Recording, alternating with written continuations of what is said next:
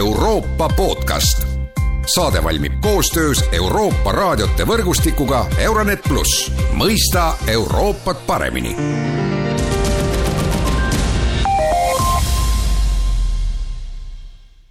tere taas kuulama Euroopa podcasti.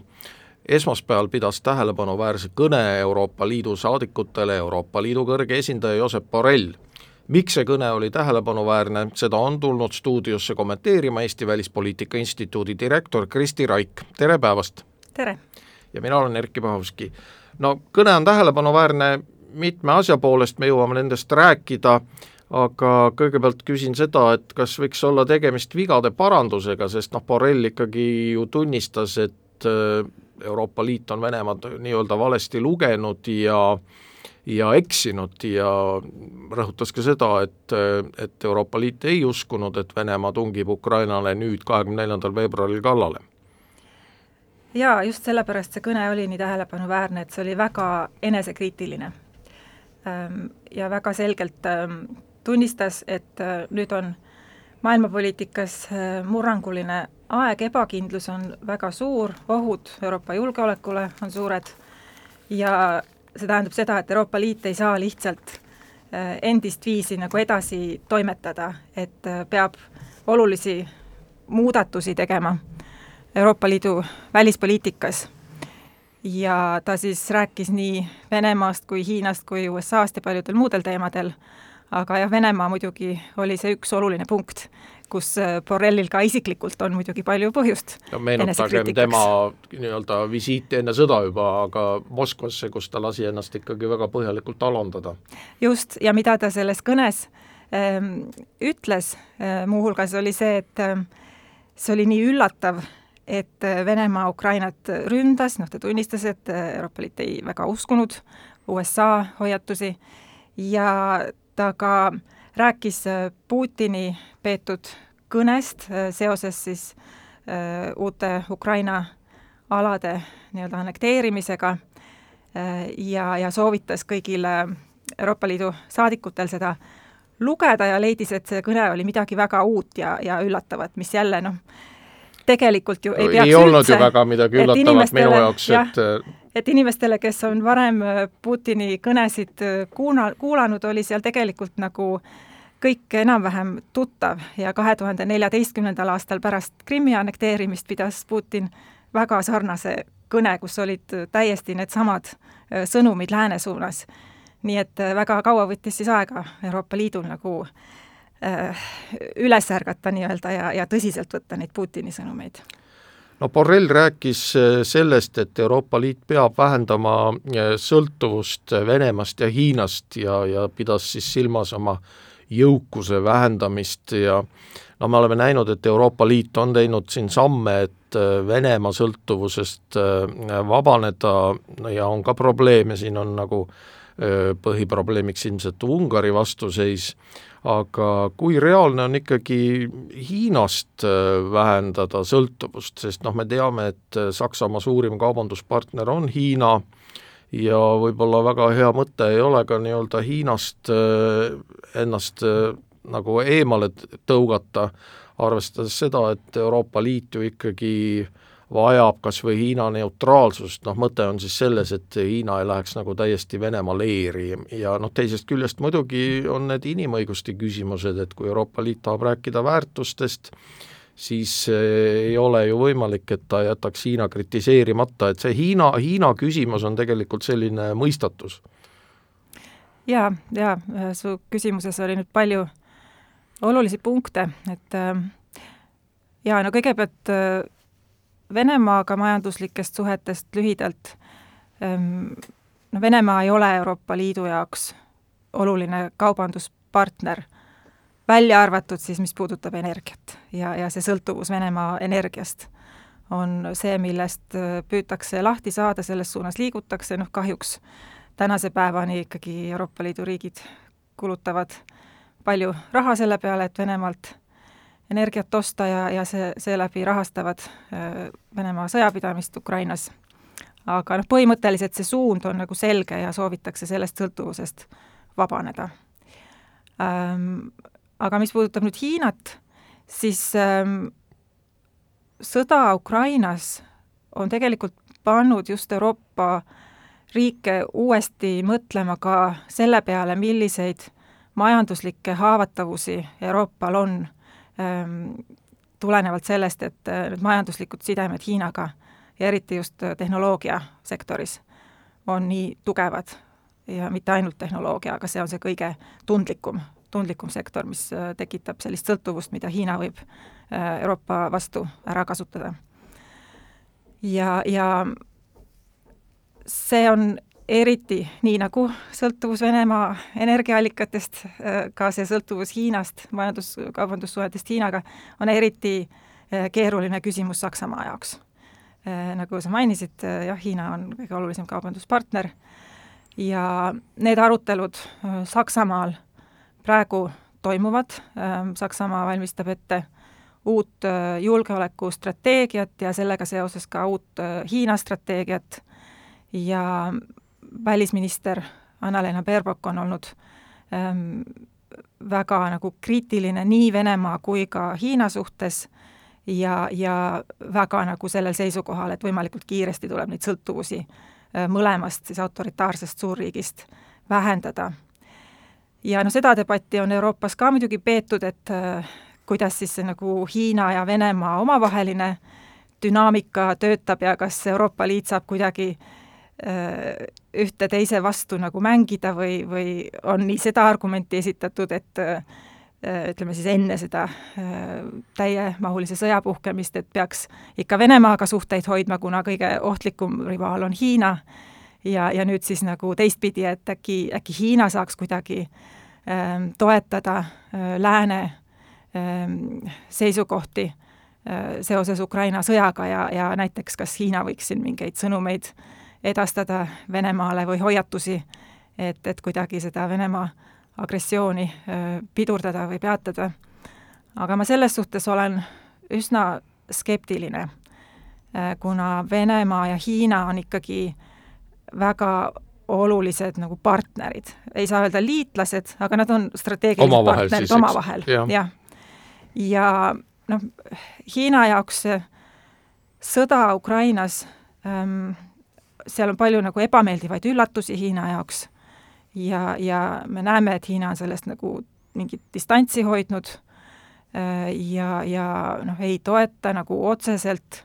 seda sõjategevust, aga noh, samas poliitiliselt ju Hiina ikkagi on Venemaa taga, võib nii öelda. ja meil ei maksa oodata, et äh, Hiina äh, teeks kuidagi koostööd läänega Venemaa vastu, kuna Hiina vaatest ikkagi USA on see peamine vasta-, vastane, nii nagu USA vaatest Hiina. ja see on see nagu nende kahe suurriigi vaheline suhe ja, ja konkurents ja pinge on, on see, mis nagu kõige rohkem tegelikult määrab ka maailmapoliitika edasisi arenguid. ja Hiina jaoks noh, Venemaa on kasulik partner, noh tänu sellele sõjale praegu nagu mingis mõttes vähem kasulik kui varem ähm,, aga teistpidi ka see, et Venemaa ähm, muutub nõrgemaks selgelt ju selle sõja tagajärjel, on ka Hiinale kasulik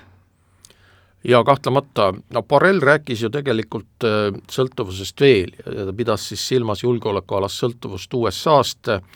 ja küsis äh, noh, võib-olla isegi retoorilise küsimuse, et äh, mida siis teha, kui kui kahe tuhande kahekümne neljandal aastal valitakse Valgesse Majja tagasi Donald Trump või keegi temasugune ja võib-olla isegi novembris need vahevalimised võivad midagi muuta, et eh, missugune saab olema Euroopa vastus ja, ja, ja põhimõtteliselt ta siis noh, vähemalt minu arvates, aga sa võid selle arvamuse ümber lükata muidugi, eh, rõhutas taas eh, Euroopa strateegilise autonoomia tähtsust, võib-olla isegi mitte autonoomia tähtsust, vaid noh, täieliku iseseisvuse tähtsust, et julgeolekualaselt Euroopa Liit ei tohiks äh, sõltuda USA-st, noh tegelikult ju tähendab see seda, et tuleks ümber teha terve sõjajärgne, Teise maailmasõja järgne julgeolekuarhitektuur ja ma arvan ka, et äh, ega Ida-Euroopa riigid seda plaani väga, väga palju ei tervita. no see on nüüd selline teema, kus äh,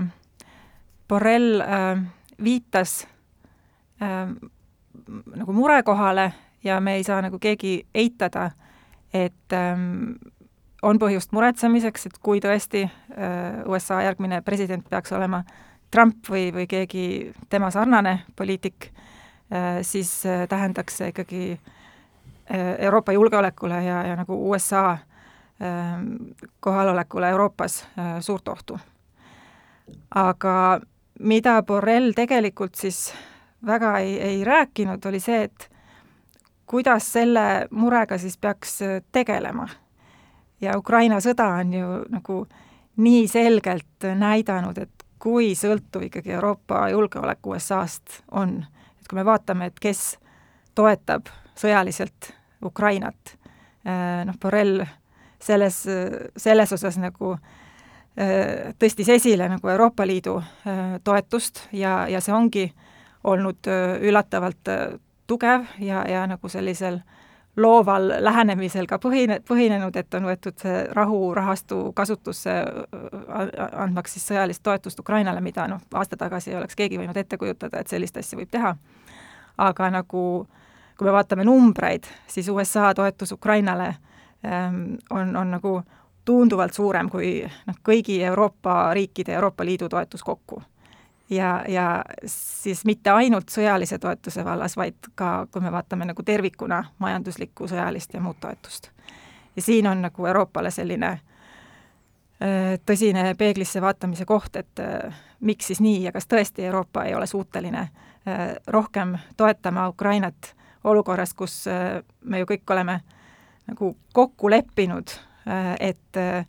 Venemaa on Euroopa julgeolekule nüüd kõige suurem oht ja, ja et äh, me, et see on nagu strateegiline huvi, et Ukraina selle sõja võidaks ja ikkagi see toetus ei ole suurem. no Borrell ei saa neid äh, kaitsekulutusi ju tõsta, seda, seda peavad tegema liikmesriikide poliitikud ise mm -hmm. ja noh, me teame, eks ole, et tulemas on talv ja noh, küttehinnad on üleval, inimesed ei ole rahul ja nii edasi, et tulla praegu välja plaaniga, et äh, me peame rohkem raha panustama kaitsele, et Ukrainat toetada, see vist lihtsalt ei lenda. no päris nii ka ei saa öelda, aga see on pigem siis NATO raames toimuv äh, debatt ikkagi. aga mitte Euroopa Liidu raames no siis? just, jah, jah. ja, ja, ja selles mõttes ongi nagu alati olnud minu jaoks see nagu kõige suurem vastuolu või probleem selles arutelus, mida Euroopa Liidus on peetud strateegilise autonoomia üle, on nagu see, et et ähm, Euroopa Liidu seisukoht on ka see, et alati olnud, et, et see on, see organisatsioon on NATO, mis äh, vastutab Euroopa kaitse eest. et Euroopa Liit ei ole nagu püüdnud endale seda vastutust võtta. ja NATO Euroopa tähendab Liidu... ikkagi USA-d. jah, ja, ja Euroopa Liidu kaitsepoliitika on nagu tegelenud siis äh, kriisihaldusega kuskil väljaspool Euroopa Liidu piire ja mingil määral siis äh, sellise kaitse koostööga äh, liikmesriikide vahel aga, aga see jah, see nagu kaitseülesanne äh, on, on äh, NATO vastutusel äh, ja mis strateegilisest autonoomiast me siis saame rääkida, kui, kui see USA roll on nii tugev ja, ja tegelikult me seda kõik tunnistame. ja noh, kuidas seda saab vähendada, seda sõltuvust on ju noh, peamine vastus on ju see, et Euroopa riigid äh,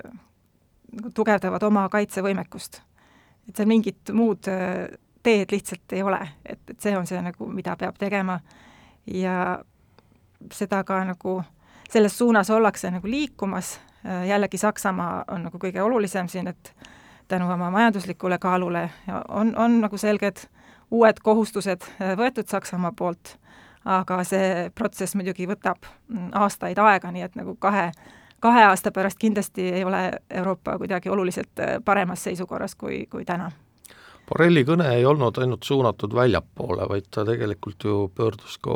Euroopa Liidu saadikute poole ja natuke isegi hurjutas neid, sellest on nüüd ka siin rahvusvaheline ajakirjandus palju kirjutanud ja, ja tegelikult siis Borrell ei olnud rahul sellega, et saadikud ei ole äh, piisavalt valmis, piisavalt äh, mobiliseeritud, et äh, raporteerida siis tähtsatest sündmustest äh, peamajja ehk Brüsselisse, et et mis võiks olla sellise kriitika aluseks, et kas siis tõesti Euroopa Liit koha peal siis reageerib nendele sündmustele nagu loiult ja, ja see info ei jõua siis Brüsselisse piisava kiirusega? noh, minul muidugi ei ole pädevust hinnata, äh, kui, kuidas see nagu täpselt siis töötab või kui, millise probleemiga nüüd on tegemist. Äh, aga selles mõttes olin üllatunud, et ähm, et see oli natuke ebatavaline ikkagi, et noh, et selliseid nagu siseasju tuuakse nagu avalikku kõnne, kõnesse. jah, et esiteks see, et nagu selline noh, muus osas nagu selline strateegiline kõne, siis üsna pikalt peatus sellel, et delegatsioonid ei äh, saada piisavalt infot äh, peamajja ja, ja Borrellile isiklikult, mis on noh, selline ikkagi rohkem nagu tehnilist laadi äh, probleem. et miks seda oli vaja nii avalikult tõstatada ja selles mõttes ma olin ka üllatunud, et, et ma noh, mõned aastad tagasi ise osalesin äh, mitmes suures uurimisprojektis, mis äh, noh, uuris just seda, kuidas Euroopa Liidu uus välisteenistus, mida Borrell nüüd juhib, on, on äh, käivitunud ja kuidas ta töötab ja, ja noh, siis äh, oli üks äh, selge tulemus, oli see, et kõige paremini töötav osa selles masinavärgis on delegatsioonid äh,, mis teevad seal kohapeal oma see on vana tööd. struktuur juba, eks ole, et loodi ja. küll välisteenistus, aga need delegatsioonid ju põhimõtteliselt olid juba enne olemas. võtsid üle jah, nagu siis muutusid, ütleme, komisjoni delegatsioonidest Euroopa Liidu delegatsioonideks äh,. Nii et selles mõttes ma ei ole nagu varem kuulnud mingeid väga äh, Ähm, suuri etteheiteid äh, delegatsioonide tööle, et pigem on seal olnud probleeme ähm,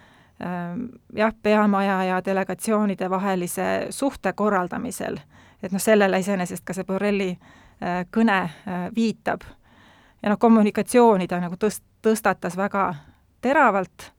ähm, ja, ja leidis, et delegatsioonid ei äh, Äh, tegele piisavalt siis teavitustööga, noh üks probleem oli see, et nad piisavalt ei saada infot Brüsselisse, aga teine probleem oli siis Borrelli arvates see, et nad ei,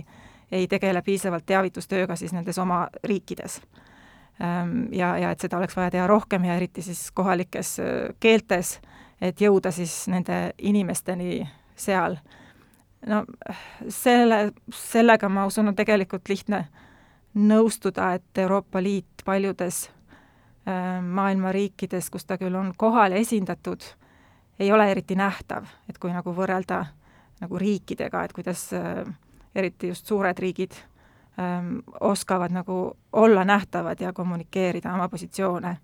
Neil on korrel... pikemaajalisem kogemus ka muidugi ja,, jah? jah, kogemus on, on üks, üks põhjus, aga noh, üks põhjus on ka see, et Euroopa Liidu tegevus on olnud nagu sellist pigem nagu tehnilist laadi ja see on jälle midagi, millele Borrell viitab, et väga tihti, kui Euroopa Liit hakkab rääkima sellest, millised on suhted äh, ühe või teise riigiga, eriti eriti siis äh, nii-öelda globaalses äh, lõunas, nagu, nagu tänapäeval räägitakse sellest regioonist, mis ei ole siis lääs ega, ega, ega Aasia või noh, osaliselt on ka Aasia selle kolmanda või globaalse lõuna alla kuuluv aga et, et Euroopa Liidus räägitakse sellest, et kui palju neid riike on rahaliselt toetatud. Ja siis selle jaoks on äh, seitsmeaastased eelarved ja suured nagu toetusprogrammid ja noh, see on see, mida komisjoni delegatsioonid on aastakümneid teinud. Äh, aga nagu tänases äh, maailmas sellest lähenemisest ei, ei piisa ja, ja noh, sellega võib ka väga nõustuda, et kui Borrell ütleb, et peab olema nagu poliitilisem, peab olema proaktiivsem, need sõnumid peavad olema selgemad, eesmärgid peavad olema selgemad. et mida need delegatsioonid seal siis saavad kommunikeerida, ega see ei sõltu nagu delegatsioonide juhtidest. et need, nende sõnumid peavad ju põhinema sellel, mida Euroopa Liidus on ühiselt otsustatud ja mis need poliitilised seisukohad on jaa, selge pilt, aitäh, Kristi Raik tulemast Euroopa podcasti, kõike head ja kuulmiseni!